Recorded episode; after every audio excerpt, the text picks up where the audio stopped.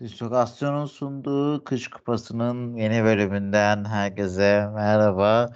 Bugün e, son artık grup maçlarının ardından e, tamamladık. E, son 16 turuna geçiyoruz. Bugünün karşılaşmalarını G ve H grubunun karşılaşmalarını Murat Devir ile birlikte değerlendireceğiz. Hoş geldin. Nasılsın? Hoş bulduk. Teşekkür ederim. Mert sen nasılsın? Ben de. Teşekkür ederim. Ee, ilginç maçlar da oldu. Keyifli maçlar da e, oldu. 3 gündür 22 seansı güzel güzel maçlar izletiyor. Ee, 18 seansından tam olarak randıman alamasak da hala 22 seansından razıyız. Ne diyorsun? Ya valla aynen dediğin gibi şöyle oluyor. Belki maçlar 18 seansı maçlar çok da hani zevkli geçmese bile işte sürprizleriyle onlar da işte bugün Kore'nin yaptığı sürprizle yine hani bizi tatmin etti diyebiliriz. Herhalde ben turnuvalarda yani üçüncü maçların hani bu kadar e, hani belli olmayan ve zaten 94 Amerika Kupası'ndan beri ilk defa gruplarda hiçbir takım 9 puan almamış. Evet. Yani o rekabeti, o sürpriz yani durumunu zaten gösteriyor yani. Bu turnuvada çok fazla. zaten zevksiz kılan da oydu. Aman puan kaybetmeyelim. Aman herkes risk al. Yenilmeyelim falan diye diye Hatta. bir sürü beraberlik oldu zaten. Doğru aynen. Yani özellikle e, şimdi hatırlamıyorum sayısını ama yani bir ara ikinci maçlar oynanırken galiba ilk 5 yarı 6 oldu 5-6 bir sürü maç vardı. Yani ama öyle devam etmedi işte yani en azından tatmin etti diyebiliriz yani gruplar. Öyle. İkinci maçlar, son maçlardan razıyız dileyelim. Ee, o zaman direkt e, akşamın 22 seansının maçlarıyla başlayalım dilersen.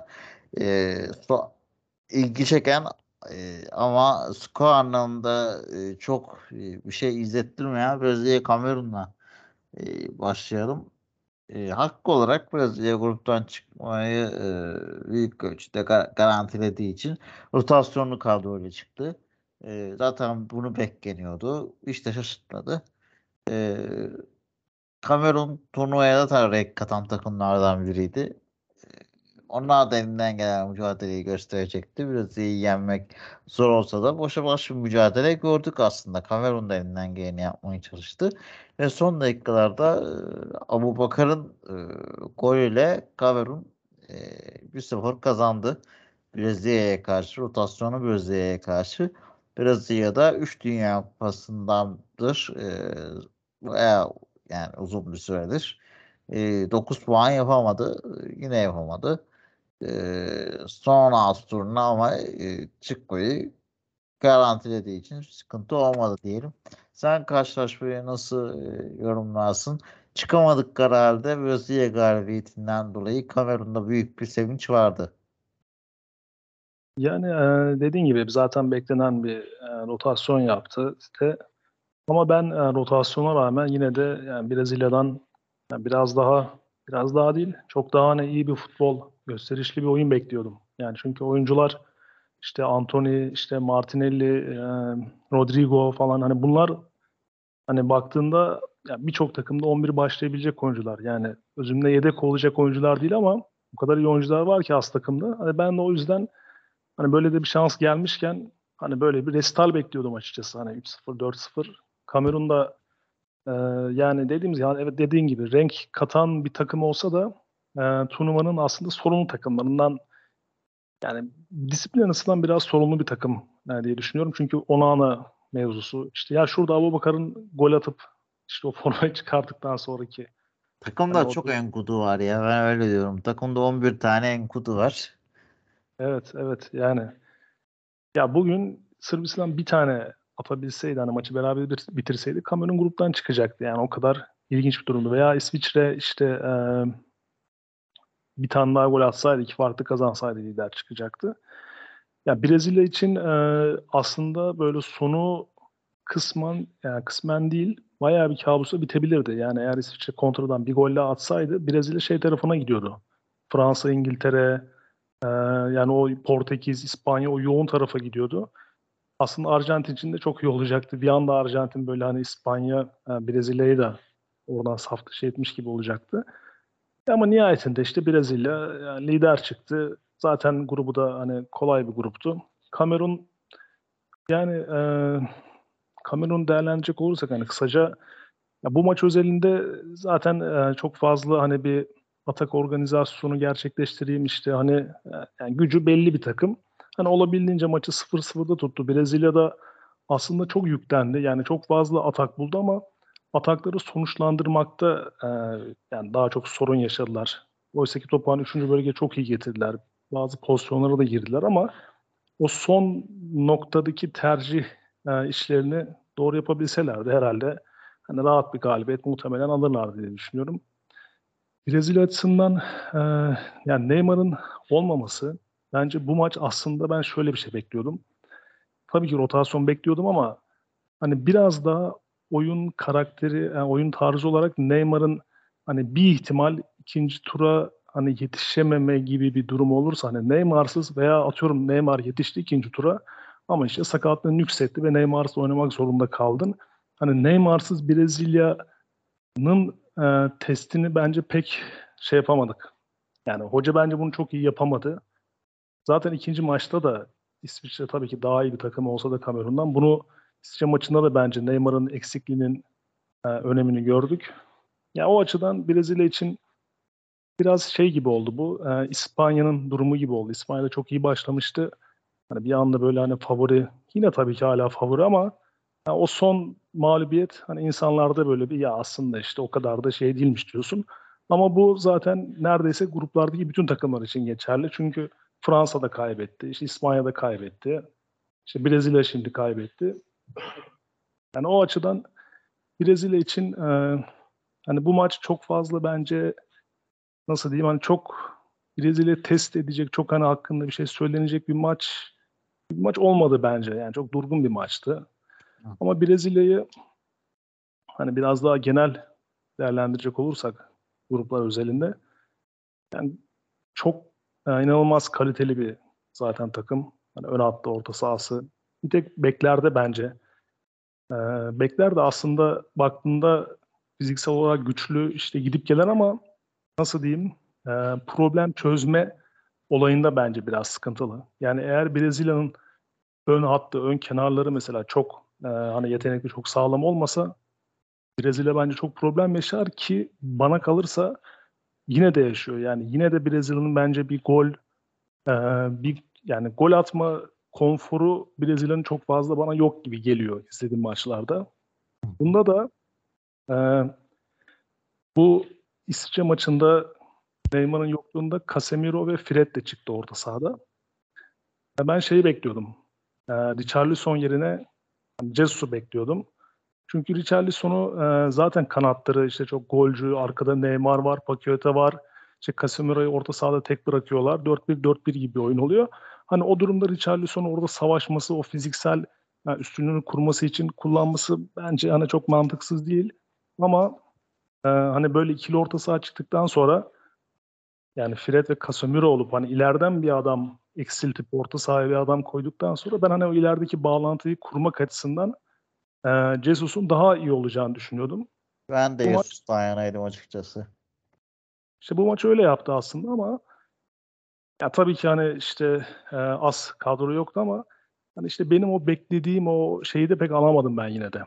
Randımanı. Yani dediğim gibi bu ne kadar test bir maçı olur. vardı herhalde. Tur geldi rehaveti mi? Kesik. Ya bir rehavet vardı. Ee, rehavet vardı ama Brezilya'da şöyle bir şey gördüm. Ben bu maç değil ama önceki iki maçta Brezilya e, bence taktiksel sadakati çok yüksek bir takım. Yani, yani Brezilya özelinde değerlendirdiğimizde hani bu kadar yetenekli, bu kadar e, üst kalite oyuncuların olduğu bir takımda Brezilya bir tane istatistik gördüm. Şimdi kaynağı unuttum ama hani Twitter'da paylaşırım. E, topu rakipten en hızlı kazanan takımmış şu anda. Sonra İngiltere geliyor, sonra İspanya geliyor. İspanya'nın üçüncü olmasına da şaşırdım bu arada. Yani evet, topun yani arkasında orada İngiltere olmasına şaşırdım açıkçası. Evet yani ben de az bir fark var ama hani ben İspanya'yı açık ara hani farklı birinci beklerdim. Brezilya'nın e, topu geri kazan yani Brezilya'nın hücum aksiyonları işte e, öndeki kalitesini zaten hani çok fazla konuşma gerek yok ama Brezilya şimdi artık daha kendi kalibresinde takımlarla yavaş yavaş oynayacağı için Hani o açıdan bence bu olumlu bir şey. Hani geride olduğunda işte topu kaptırdığında ne yaptı? Tabii ki o zamanki rakiplerin kalitesi daha yüksek olacak. Belki onlara o kadar e, kontrapresi bunlara yaptığı kadar onlara o kadar kolay yapamayacak veya nasıl bir tercih yapacak işte orta sahada işte Casemiro tek mi çıkacak yanına Paqueta yoksa Fred Casemiro mu yapacak? Ya bunlar e, bence işte ilerleyen turlarda hani ya ilk tur maçı yani Kore maçı bence artık ya bu herkes için geçerli. İkinci turlarda bence hani kimin ne olduğunu daha iyi göreceğimizi düşünüyorum. Kesinlikle e, katılıyorum. Belki de Dani Alves'in de son maçıydı. Rotasyon olduğu için 11'de çıktı. Daha görebilir miyiz emin değiliz Dani Alves için de. E, ona ilgili söyleyeceğim bir şey var mı? Nasıl buldun? Aslında genel olarak dediğin katılıyorum. Bence de Brezilya'da bir bek e, sorunu var. Alexandro Juventus'ta tartışılan bir oyuncu. Danilo Juventus'ta sağ bekte değil de stoper de verim veren bir oyuncu. Bremer'de sen çok formda niye yedek stoperde ben hala çözemiyorum. Thiago Silva'nın yanında 11 çıkamaz mı bilmiyorum. Sen ne düşünüyorsun ee, savunma tercihleri hakkında? Ya savunmada e, ya beklerde zaten çok fazla artık tercih şeyi kalmadı galiba. Şimdi Alex Telles de bugün sakatlanıp oyundan çıktı. Danino'nun zaten bir sakatlığı vardı. Grupları kaçıracaktı.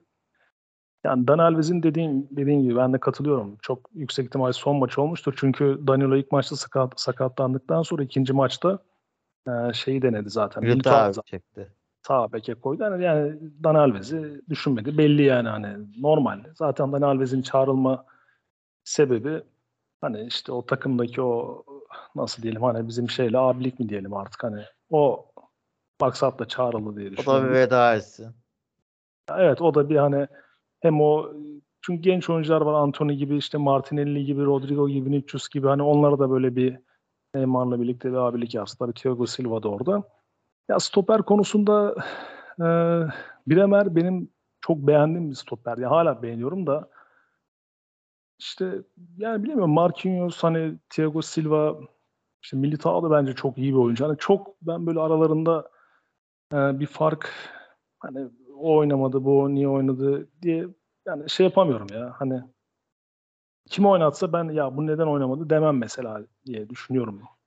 Yani savunma konusunda bu şekilde düşünüyorum. Beklerde de dediğim gibi ben hani problem çözme savunma anlamında bir sıkıntı olduğunu düşünmüyorum ama ileride problem çözme hani en azından bir tane bek mesela örnek veriyorum bir Marcelo eski Marcelo olsaydı e, yani, bir, yani günümüzde beklerin zaten önemi ortada hani takımlar Pep'in işte Cancelo kullanımı işte kanat bekler yani bek demek artık bugün aklına savunma değil hani hücum geliyor insanın. Yani çünkü beklerle sen oyunu genişletiyorsun. Beklerle arkadan bindiriyorsun. O yüzden hani Brezilya'nın şu oyun yani şu oyuncu kalitesine bir de bekler eklenseydi bence yani çok daha iyi olur diye düşünüyorum.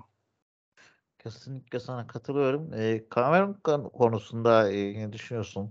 Genel olarak bir e, bence en büyük sıkıntılarından biri oyun zekası çok sınırlıydı aslında. Evet atlet e, yetenek de var, atletizm de var. E, ama neden oyun zekası anlamında, pozisyon girme anlamında e, çok sıkıntıları olduğunu düşünüyorum. Belki de turnuvayı o, yüzden de kaybettiler diyebiliriz. Fena da bir çünkü e, maçta da çıkamadılar. Sırbistan'a karşı sergiledikleri performans ortada. E, bugün e, sergiledikleri performans da ortada. E, İsviçre'ye karşı ilk yarıda da kötü bir ilk yarı çıkarmadılar. Genel olarak turnuva hani grubun e, en kötü oynayan takımlarından biri diyemeyiz sanki. Keyif verdi. Ne katılıyor musun? Ya keyif verdiğine katılıyorum ama Cameron e, nasıl diyeyim? Ya Cameron bana şey hissiyatını pek veremedi. Takım olma hissiyatı, ciddiyeti pek veremedi. Ya bana biraz taktiksel açıdan çok disiplinli bir takım gibi gelmedi bana Cameron. Evet. Yani biraz dedim ya bugün şu Abu Bakar'ın şu gördüğü kart bile yani bence o bile yani orada gitse Sırbistan bir gol atsa e, beraberliği yakalasa sen turda yoksun yani hani işte Onana'nın şeyi e, ama Sırbistan ama, gol atsa da e, çık, gene çıkamıyor 2. Kamerun e, Sırbistan'ın beraberlik halinde çıkamıyor muydu? Ben sanki öyle. İkili avaraj İsviçre'den yanaydı. Ha öyle miydi? Ben sanki Kamerun biz niye öyle şey yaptık o zaman? Yani ben öyle biliyordum. Demek ki Yani, yanlış İsvi- biliyormuşum. yani e, avarajları eşit, e, puanlar eşitleniyordu da e, ikili avarajdan yatıyorlardı. İsviçre yendiği için Kamerun'u. Doğru doğru olabilir doğru. Yani ben orada demek ki bir yanılgıya düştüm. Onu takip edemedik herhalde. Bu kadar karmaşık, bu kadar e, Hepsi birbirine giriyor izlerken diyorum zaten ya bu maçı ben dün mü izledim bugün mü izledim bu goller ne zaman oldu çok baş izlemekten kafalar duman oldu. Yani dediğim gibi Kamerun açısından ama ben şu Onana konusunda bir şey söyleyeceğim. Çünkü gerçekten o içimde kaldı. Ee, Onana'yı ben Ajax'ı çok aşırı beğenirdim ve bence bu yeni kaleci hani Neuer'in başlattığı diyeyim bu yeni stil kaleci şeylerinde Onana bunların bence başını çeken bir oyuncu. Ajax'ta da Ten Hag onu bu şekilde kullanıyordu. Gerçekten bildiğin iki tane stoperin arasına gidip oyun kuruyordu ama bu arkadaş yani Inter'e gitti ve Inter'de böyle bir oyun oynamıyor. Ama şu Kamerun'a geldikten sonra bu Dünya Kupası'nda işte Song'la yani teknik direktörle tartışma yaşamış ya işte hani ben bu şekilde oynamak istiyorum falan işte hani ben oyun kurmak işte ceza dışına çıkmak istiyorum. Song da bunu şey yapmamış hani yok ben seni hani bu şekilde kullanmayacağım hani standart olarak sen hani uzun vurman gerekiyorsa uzun vuracaksın diye şey yapmış. Bu durumdan dolayı da ona ana ondan sonra kadro dışı kaldı ve zaten kupayı da terk etmiş. Yani bu ya bu bile zaten bence Kamerun'daki bu disiplin e, olayını gösteriyor. Yani sen hani nasıl teknik direktöre karşı hani bu şey değil ki hani bir oyuncu işte ne bileyim sağ açıktır da veya forvettir de teknik direktör onu sağ açık oynatır. Oyuncu hani der ki hocam hani ben yapamıyorum edemiyorum. Hani biraz şey ama sen kalecisin ya yani senin yani ne yapacaksın sen hani çıkıp işte o şey maçında gördük. Sırbistan maçında işte orta sahaya kadar neredeyse geliyor falan. Hani ne yapıyorsun yani? Senin önündeki oyuncular Ajax'ta oynayan oyuncular veya Inter'deki gibi baston ile deviriş falan oynamıyor ki orada bile yapamıyorsun. Hadi orada yap o zaman yani hani Inter'de de mesela bunu diyebilir misin? Diyemezsin. O yüzden e, zaten orada bence takımın zaten düşük bir takım Kamerun. Ya bence açıkçası taktiksel e, ciddiyet ve e, düzen açısından hani Katar'dan sonraya falan yazabilirim. Dediğin gibi bence de buna rağmen keyif veren bir takımdı. Çünkü hücum hattı fena bir hücum hattı değil gerçekten. Abu Bakar gibi bir büyük bir klas var bence. Gerçekten çok inanılmaz iyi bir forvet. Bugün de attığı gol çok şıktı. Böyle direğin dibine. Ama Cameron için yani sürpriz bir şey değil. Bence iyi bile. Yani 4 puan çok iyi bile yani Cameron için diye düşünüyorum. E, katılıyorum sana. E, o zaman diğer maça geçelim. Asıl e, keyif veren, zevk veren e, maça geçelim.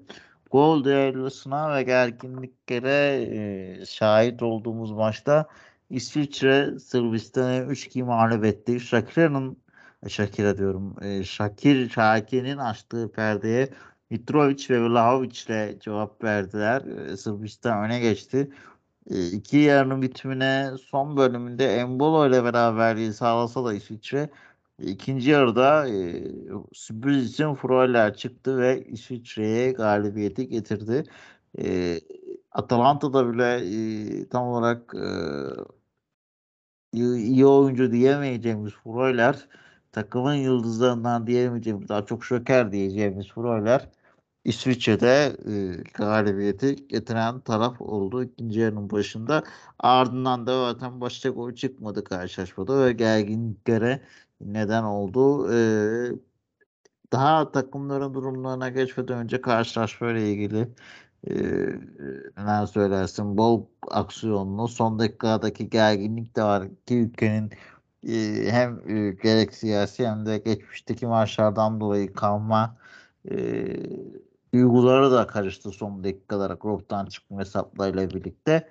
E, ve Sırbistan evine dönerken İsviçre gruptan çıkmayı başardı. Yani e, açıkçası maçtan önce benim beklentim bu şekildeydi. Hani İsviçre en kötü bir beraberlik alır.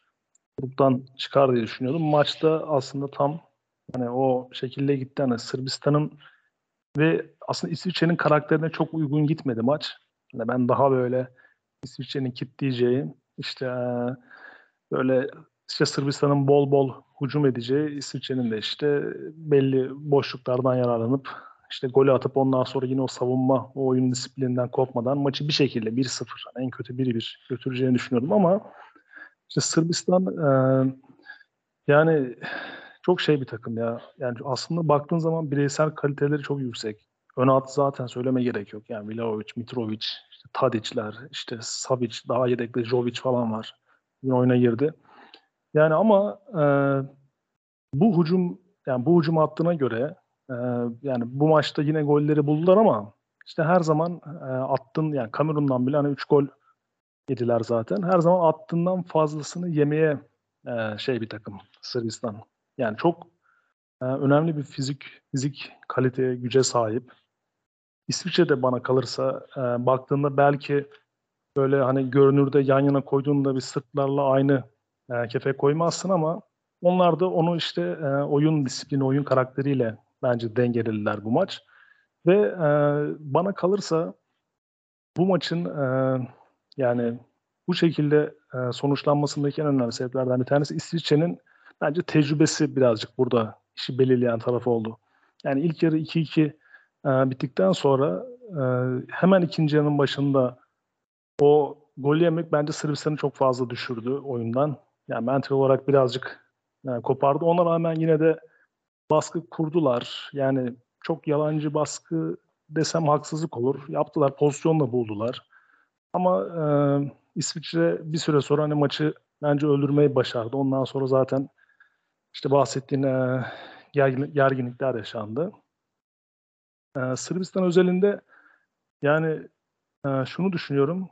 E, bu kadar e, savunması hani fizikli işte böyle hepsi uzun boylu yani nasıl bu kadar bu takım işte üçlü savunma oynuyor? Yani bu kadar yani gol yemesi işte Kamerun'dan 3, burada 3, Brezilya'dan 2, bir de toplamda 8 golle yani.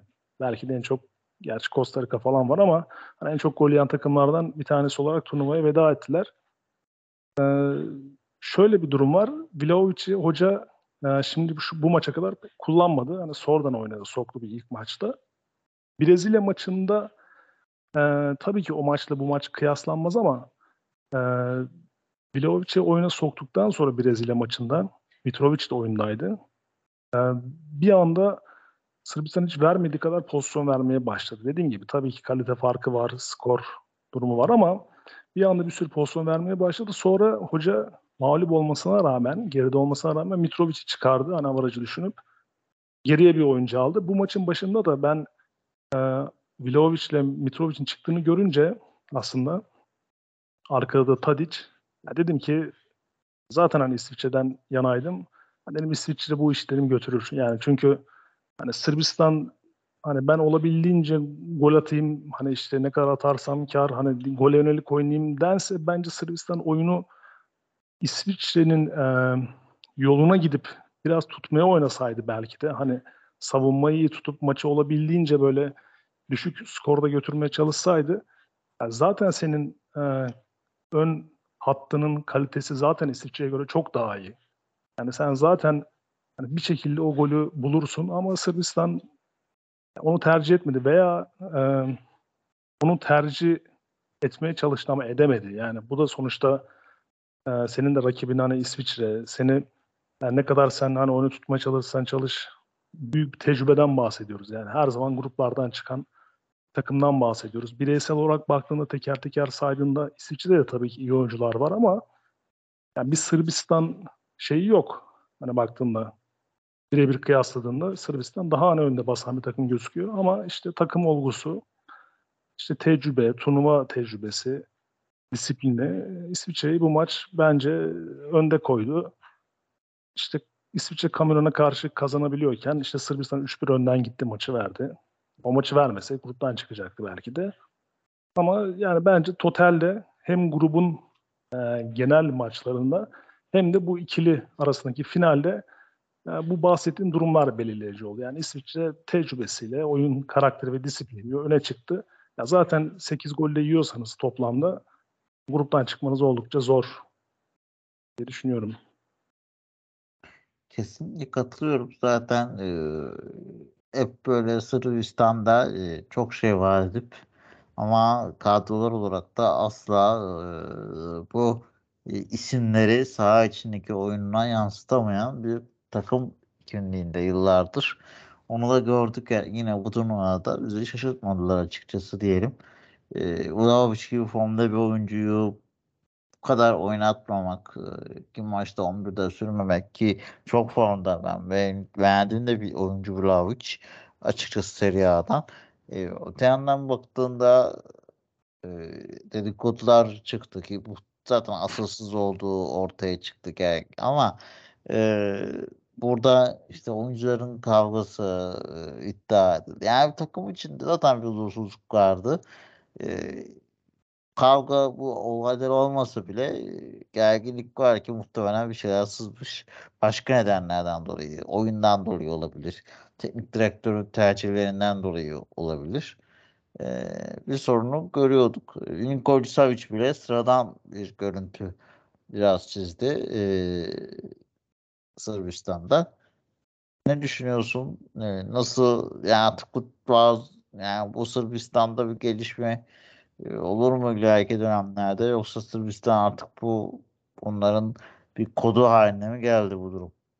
Sırbistan e, ya o bölge o Yugoslavya bölgesi diyelim eski. Her zaman zaten bir spor kültürü, yetiştirme kültürü olan bir bölge. Yani o yüzden ben Sırbistan'ın şeyini kesinlikle takdir ediyorum. Yani spor kültürünü. Ee, yani elemelerde de çok iyi geldiler aslında. İşte Portekiz'in grubundan yani gidip birinci çıktılar. Yani direkt katıldılar. Ee, Vlahovic olayında da Vlahovic e, ya o hani bahsedilen olay ben bilmiyorum hani ne kadar gerçek ne kadar doğru ama hani olayın diğer teknik tarafından bakarsak Vlahovic bir Juventus'ta bir sakatlık geçirmişti. Son yanılmıyorsam bir, bir ay falan oynamadı Vlahovic Juventus'ta. Hani o yüzden de ben e, bir ihtimal hani belki o yüzden hani işte ikisini aynı anda sahaya sürmüyor. Vlahovic sahaya sürmüyor veya işte bu çok fazla mı acaba hani ofansif olur. Ya o yüzden çok böyle hani nasıl Vlahovic oynatmaz demedim ama ya bana kalırsa hani bana sorarsalar Mitrovic mi, Vlahovic mi? Ya ben tabii ki Vlahovic derim yani ama Mitrovic de yani yıllardır Sırbistan'ın işte forveti, elemelerde işte e, takımın golcüsü. Yani hoca biraz da orada bence yani gelenek üzerinden gitti ve ben bunu yadırgamam yani olabilir. Nasıl Gabriel Jesus Richarlison'dan çok daha formda olmasına rağmen hoca e, Richarlison'u kullanıyorsa çünkü daha önce de onu kullanıyordu. Hocanın yani biz dışarıdan bizim bakarak yorumlamamızla hocanın yani, yani yorumlaması farklı demeyeyim ama adamın kafasında bir oyun var ve milli takımlarda bence şu açıdan hak verebiliyorum.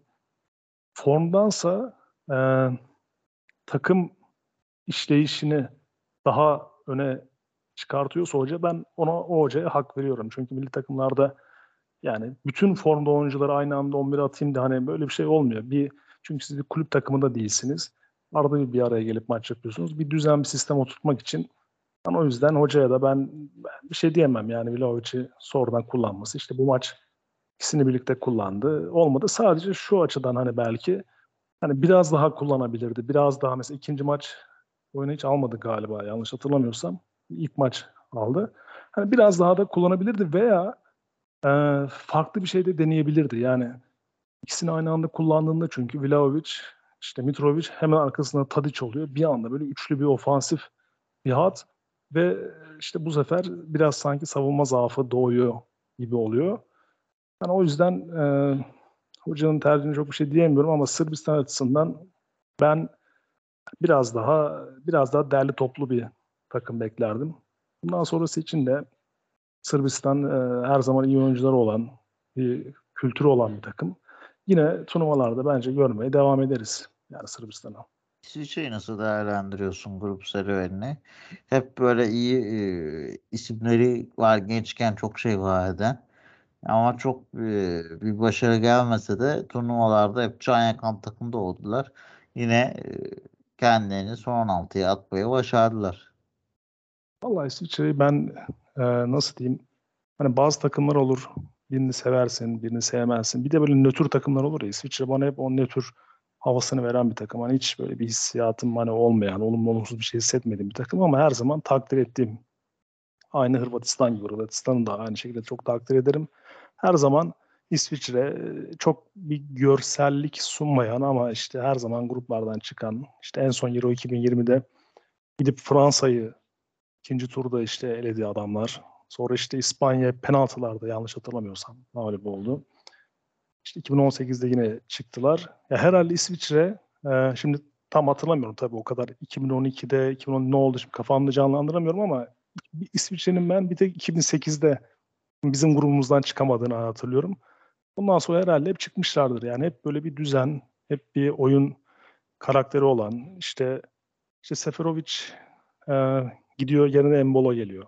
İşte Fröler var. İşte işte Şakir'i hala kullanmaya bir şekilde devam ediyorlar. Şaka yıllardır e, takımın lideri gibi oynuyor ve son iki senedir Arsenal'de de çok formda zaten. Savunma hattı bence olabildiğince disiplinli çok iyi bir kaleciye sahipler. Bence bu çok önemli. Yani şimdiye kadar İsviçre'nin bence yakaladığı bu başarılar da yani işte sürekli buralarda bulunması, gruptan işte çıkması, daha belki bir iki tur geçebilmesi bu da yine Somer'in bence e, etkisi çok yüksek bunda. Yani İsviçre dediğim gibi hani çok böyle e, çok değişik varyasyonları olan çok çeşitli oynayan bir takım değil ama belli bir düzende, belli bir sistemde, istikrarda takımın başındaki teknik direktör değişiyor. İşte gidenler gelenler oluyor ama o, o belli bir kültür, belli bir oyun düzenleri var. Ondan şaşmıyorlar ve yıllardır bence yani İsviçre için gayet ideal herhalde. İsviçre halkı oldukça hani mutludur bu durumdan yani diye düşünüyorum. Hı hı. Evet, Dilersen o zaman bu grupla ilgili ekleyecek bir şey yoksa 16'daki maçlara geçelim. Ee, Evet. Uruguay sa- 2-0 Gana'yı geçti. Ee, maçtan önce ben çok tahmin etmiyordum bu skoru. Hani Uruguay'ın bize ilk iki maçta izlettirdiklerinden sonra yani e, Gana da fena işler çıkarmadığı için e, ka- üç, yani belli olmaz Uruguay bu gruptan çıkamaz diye düşünüyordum açıkçası. E, şaşırttılar. E, bir değişikliğe gitti kadroda. Uruguay'da doğru tercihlerde yapıldığını da görüyoruz. Daha hareketli, daha e, durmayan, daha durağan olmayan bir kadroyu tercih etti. E, Uruguay başarılı da olduğunu görüyoruz açıkçası. Hem e, işte Pelistri, Arrascaeta tercihini gördük. Daha işte yani üçlü hücumu değil de daha e, işte Vecino'yu alıp daha kanatvari işte Arrascaeta'yı atmak. Stoper'de Coates tercihi ki ben Coates'in zaten niye şey 11'de oynamadığını çok e, anlamlandıramıyorum eğer sakatlığı yoksa yani e, artık kesersin Godin'ini abi yani artık bu adamlar hala oynamasın zaten dediğim hani artık biraz gençlerin önünü açsın. Coates de genç bir oyuncu değil ama şu an kariyeri yani en iyi döneminde şu an prime diyebiliriz. Öyle bir dönem varken Coates oynatmalarını da çok anlamlandıramıyorum eğer dediğim gibi sakatlığı yoksa. E, bu da sonuç verdi. E, Arrascaeta'nın iki golüyle e, karşılaşma 26 30, 32. dakikanın bulduğu gollerle Gana'yı 2-0 mağlup etti. Gana'da bal yapmayan arı gibi e, sahadaydı. Yine son vuruşlarda sıkıntı olan bir Gana gördük. Yine e, keyif veren bir Gana vardı ama yaratıcılık anlamında, oyun zekası anlamında onlar da Senegal'e biraz, ay Senegal'e diyorum. E, Cameroon'a benzeyen bir takım görüntüsünü çizdi ki yine penaltı kaçtı. Yine e, Uruguay'a karşı ve in, bu sefer de kaçıran Ayev oldu. Ne düşünüyorsun karşılaşma hakkında? Ya ben de e, totalde baktığımda Uruguay'ı ben de iki maçta kesinlikle hani iyi futbol oynamadığını düşünüyorum ama maç öncesinde e, hocanın değişiklikler e, bu maçta yaptığı gibi hani değişiklikler yaparsa Arascaeta'yı işte koyması, işte Pelis'i biraz daha ön hattı hareketlendirecek bir kadro çıkarmasıyla hani bu maçı kazanabileceğini açıkçası düşünüyorum. Yani çünkü e, Uruguay'a olan güvenimden değil ama bu daha çok Gana'nın tarafından baktım bakmamla alakalı. Çünkü Gana e, bana kalırsa yani en son Kore'yi mağlup ederken de pek yani hak etmediği bir galibiyet. Hak etmedi demeyelim yani sonuçta 3 gol attı adamlar ama hani çok da iyi bir oyun, oyun oynayarak yapmadan hani çok iyi bir oyun oynamadan aldıkları bir galibiyetti.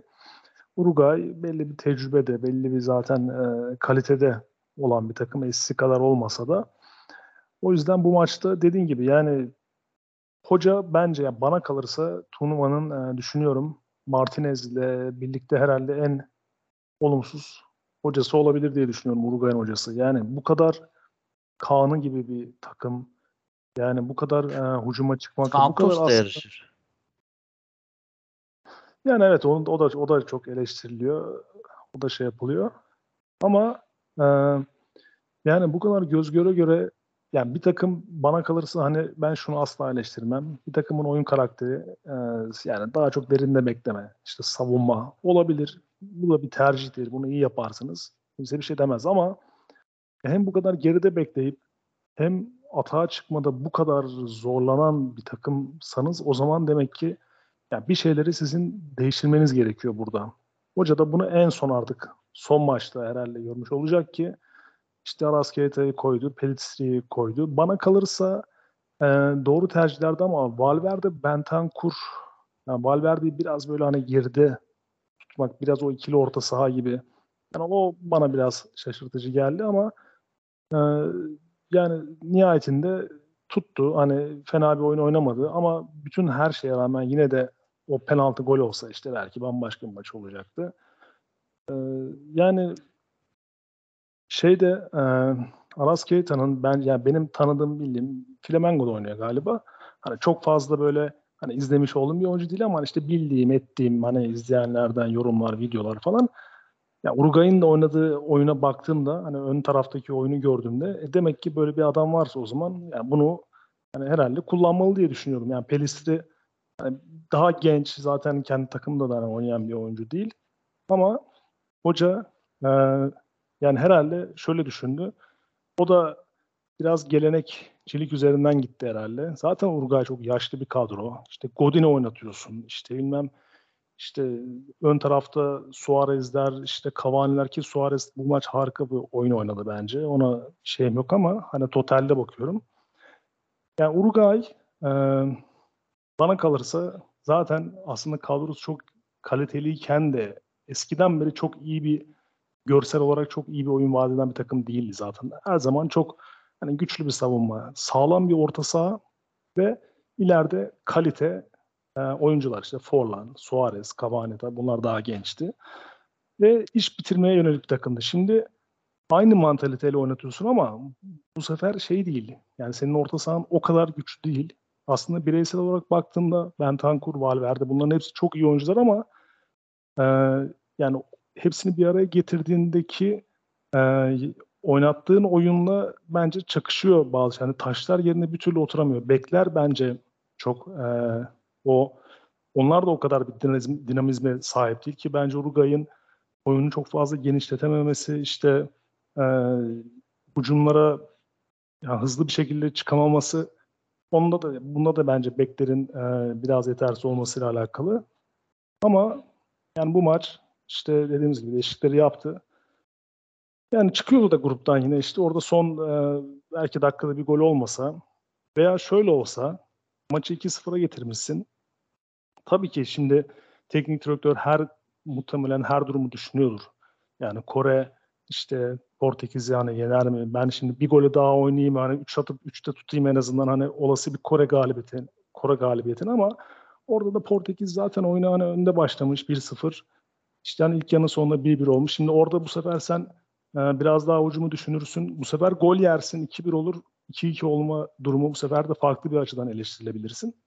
Yani onun için bu maç özelinde bence hoca e, fena bir oyun çıkarmadı ama gruplardaki total performansı bence yani e, en kötü hoca performansını ilk, üçü, ilk iki veya üçe girer diye düşünüyorum.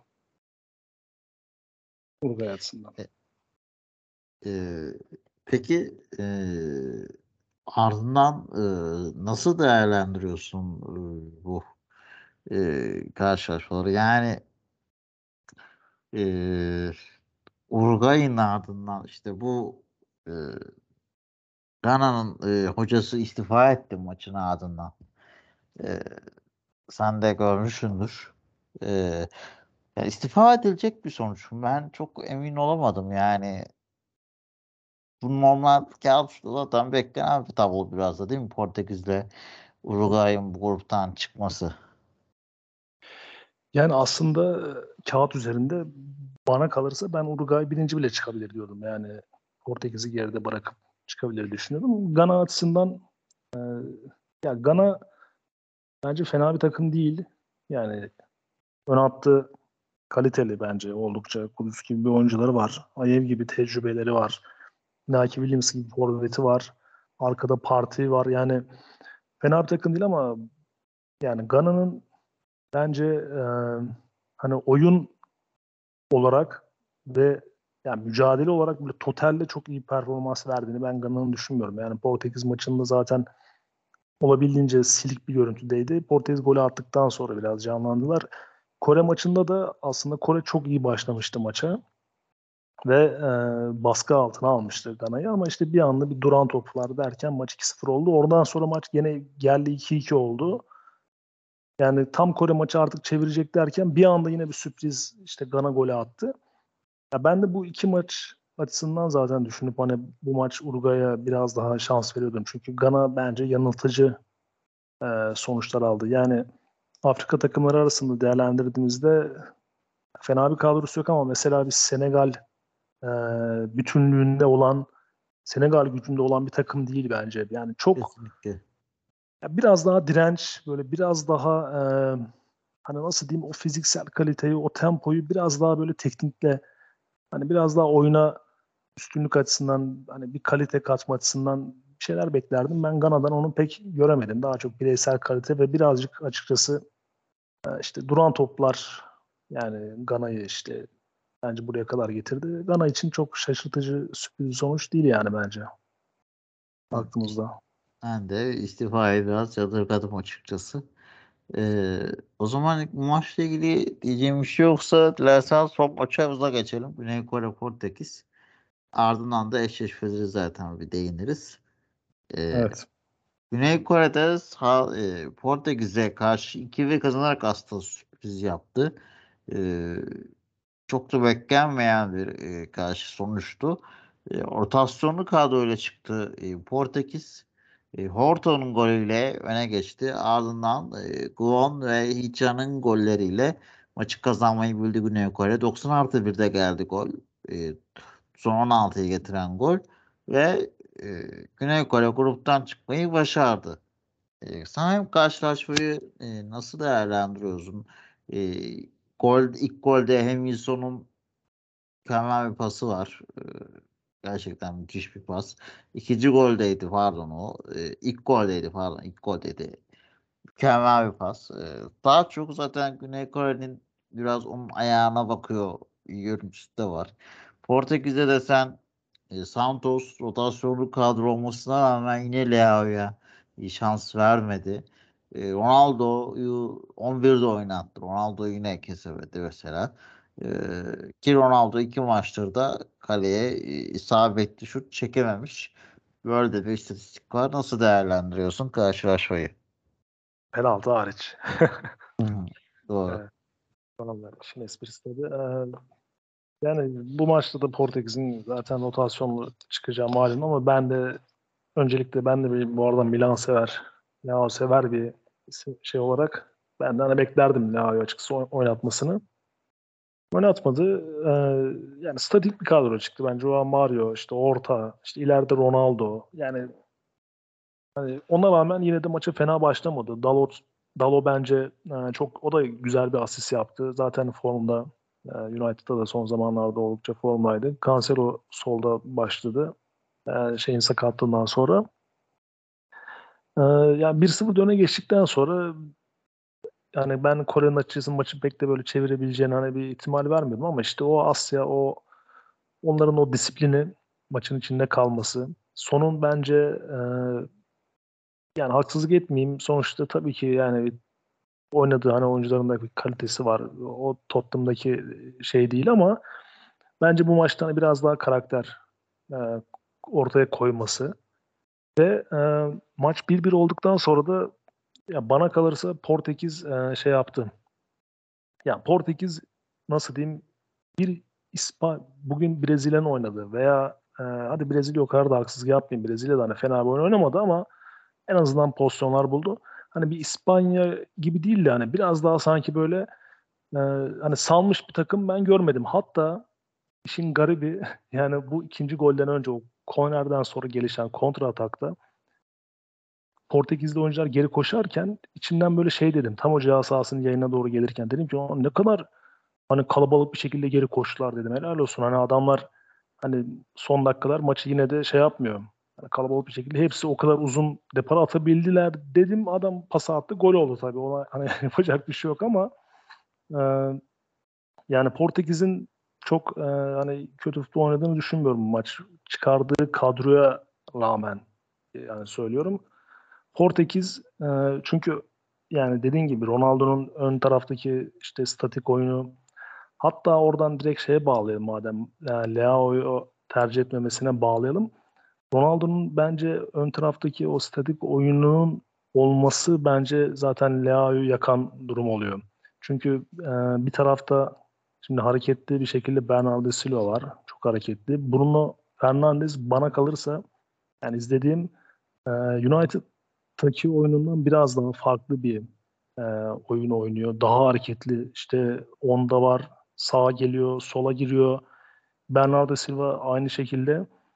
Bence Felix'i e, solda kullanmasının e, en büyük işte sebebi zaten Ronaldo'nun ön taraftaki statikliği. Yani o arkada Ronaldo'nun o durumunu giderebilmek için o oyuncuların bir boşluklar yaratıp orada sürekli hareket halinde bulunması ve Ronaldo'nun da boşlukları doldurması hedefleniyor diye düşünüyorum. Çünkü Leao topu daha çok hani ayağına isteyen yani çok Felix'in etkili. Felix'in yerine belki Ronaldo olabilir. Çünkü Felix de biraz e, tartışma yaratabilecek bir e, performans sergiliyor bence. Ya Felix e, onun dışı şöyle düşünüyorum. E, yani topla baktığında çok yani ismi kadar bir şey yapmıyor. Buna katılıyorum ki Atletico Madrid de formsuz ki Atletico Madrid zaten bu sene genel olarak formsuz.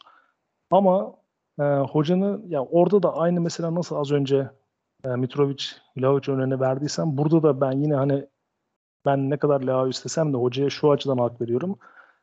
Felix'in orada olması belki toplu oyunda e, çok fazla bir etki yaratmıyor ama Felix'in bence topsuz oyunu ve bazen Ronaldo öyle çift forvet tarzında oynaması, sürekli o cihaz sahasının o çevresinde çok hareketli bir şekilde gezmesi bence Ronaldo'ya açıdan bir fayda sağlıyor. Yani Bruno Fernandes mesela o da aslında topu özünde ayağına isteyen bir oyuncu. Kaleyi karşıdan görmek isteyen bir oyuncu ama o da bence olabildiğince gezgin. Bernardo Silva da zaten hem toplu hem topsuz bir şekilde bu işi çok iyi yapıyor.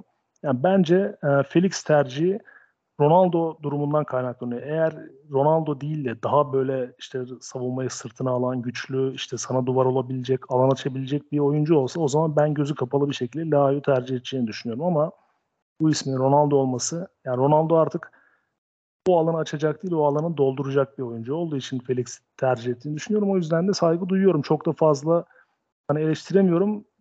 Bu hareketlilik e, Ronaldo'nun ön alandaki statikliği ne kadar e, bence hani olumsuz olsa bile bu arkadaki üçlünün bence sürekli dolaşımda olması, sürekli yer değiştirmesi biraz daha Portekiz aslında öngörülemez bir takım haline getiriyor. Yani geriye yaslandığınızda ne kadar derinde beklerseniz bekleyin oldukça kaliteli bir e, hücum hattı oluyor ve bu size sürekli hani sıkıntı çıkarabilecek, işte sizi problem yaratabilecek bir duruma getiriyor. Bu maç özelinde de hani dönersek Kore maçına e, yani bana kalırsa diğer maçlara oranla hani daha statik bir kadroydu. İşte o yüzden de ben Leao'yu hani tercih eder diye bekliyordum. Ne de olsa çok kaybedecek de fazla bir şey yok. Ee, yani böyle de konuşunca sanki hani Leao böyle genç işte ne yapacağı belli olmayan yani Leao'dan bahsediyoruz yani tabii ki hani onu oynattığında sanki bir eksiklik olacakmış gibi sanki söylemiş gibi oldum ama hani tercih açısından çünkü ileriki turlarda daha kendine denk yani takımlarla karşılaşacaksın ve onlar e, yani Leao'ya o zaman gerçekten ihtiyacın olabilir. Yani iş çözme çünkü problem çözme.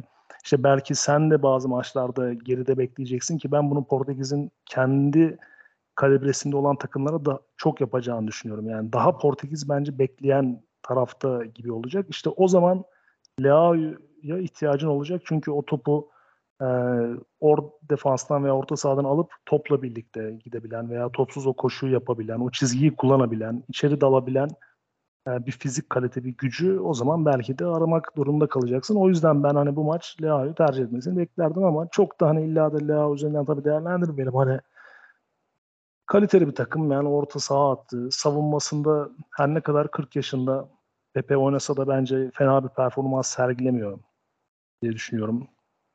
Pepe'nin. Yani yanında çok genç. Neredeyse yani çocuğu yaşında olacak. Hani 19 yaşında Silva var ki çok beğeniyorum ben Benfica'dan. Ee, yani nihayetinde Portekiz bence beklentinin e, yani en azından benim beklentimin bir, bir tık, bir buçuk, iki tık üzerinde grupları tamamladı diye düşünüyorum. Yani e, dediğim gibi ben Uruguay'ı aslında biraz daha favori görüyordum ama Portekiz bence fena bir oynamadı. Şuna da ayrı parantez açayım son olarak. Portekiz'le ilgili Bruno Fernandes'e kesinlikle bir parantez açılması lazım. Bence muhteşem yani muhteşem bir oyun oynuyor gerçekten.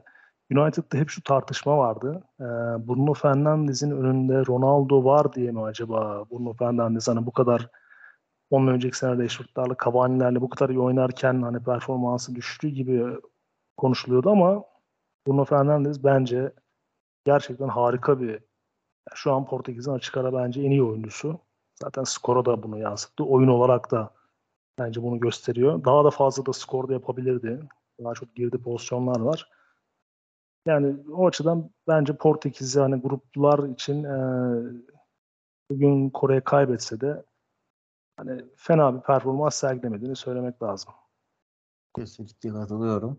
O zaman biraz da kısaca eşleşmelerden konuşalım. Ee, Güney Kore e, zor yoldan e, Portekiz Brezilya'yla e, eşleşirken Portekiz de oradan İsviçre ile eşleşti. E, ne düşünüyorsun kurallar hakkında? Ya Brezilya, e, Kore tabii doğal olarak Brezilya oldukça favori fazlasıyla. Hani Kore bir sürpriz yapabilir mi ihtimali futbol 90 dakika. Yani ben hiçbir zaman tek maçlarda %100 favori görmem. Hani ağır favori olarak söyleyebiliriz ama Kore topla bence fena oynamayan, e, rakibe fena baskı kurmayan bir takım. Ama işi sonuçlandırmakta onlar da bence bazen problem hani yaşıyorlar. Fizik olarak, fizik kalite olarak e, zorlanabilirler diye düşünüyorum Brezilya'ya. Brezilya Neymar'ın da dönüşüyle birlikte çok da fazla zorlanmadan ama çok da böyle hani ekstrem bir futbol oynamadan bir şekilde kazanabilir diye düşünüyorum Brezilya.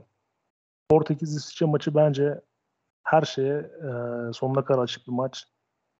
Yani Portekiz e, bence baş altı baş altının belki de bir tık daha seviye altı takım olarak bence en zor takımlardan biriyle eşleşti. Yine işte bir bahsettiğimiz bir kültürü olan, bir tecrübesi olan bir takım. Geçen sene Fransa'yı ikinci turda elemiş bir takımdan bahsediyoruz.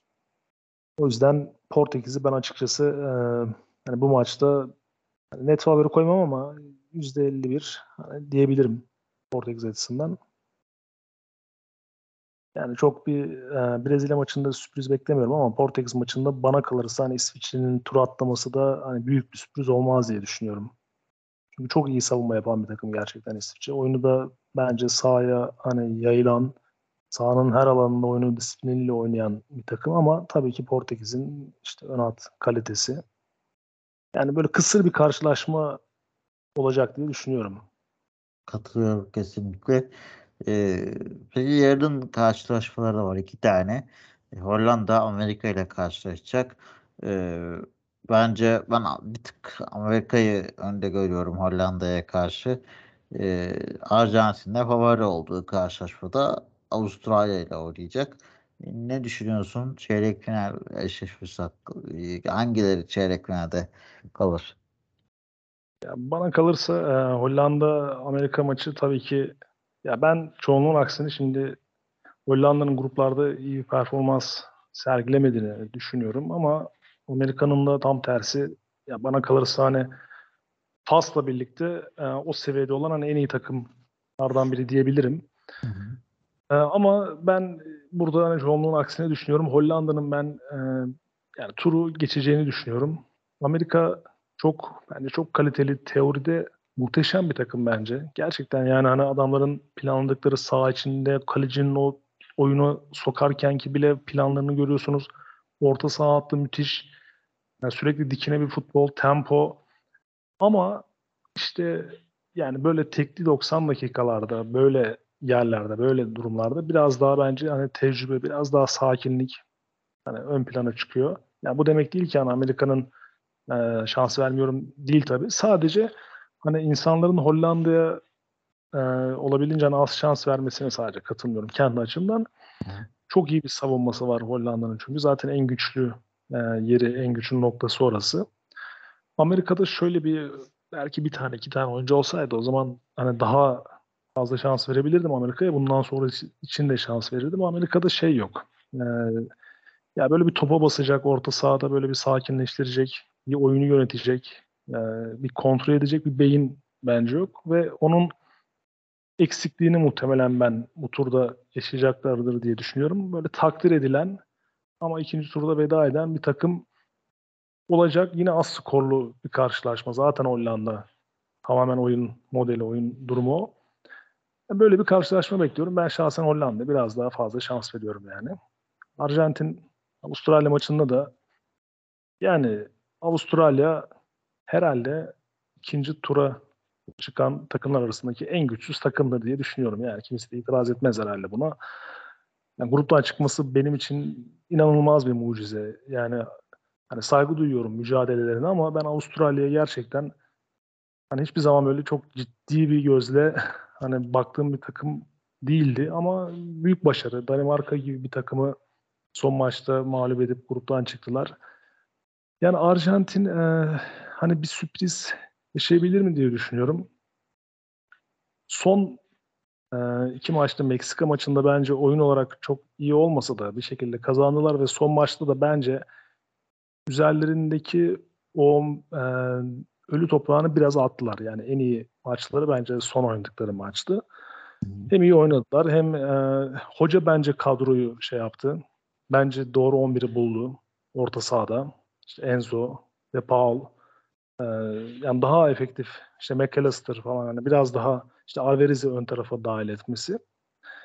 Yani Arjantin'in e, ben hani sürpriz yaşayacağını sanmıyorum. Hani ağır favori olarak görüyorum.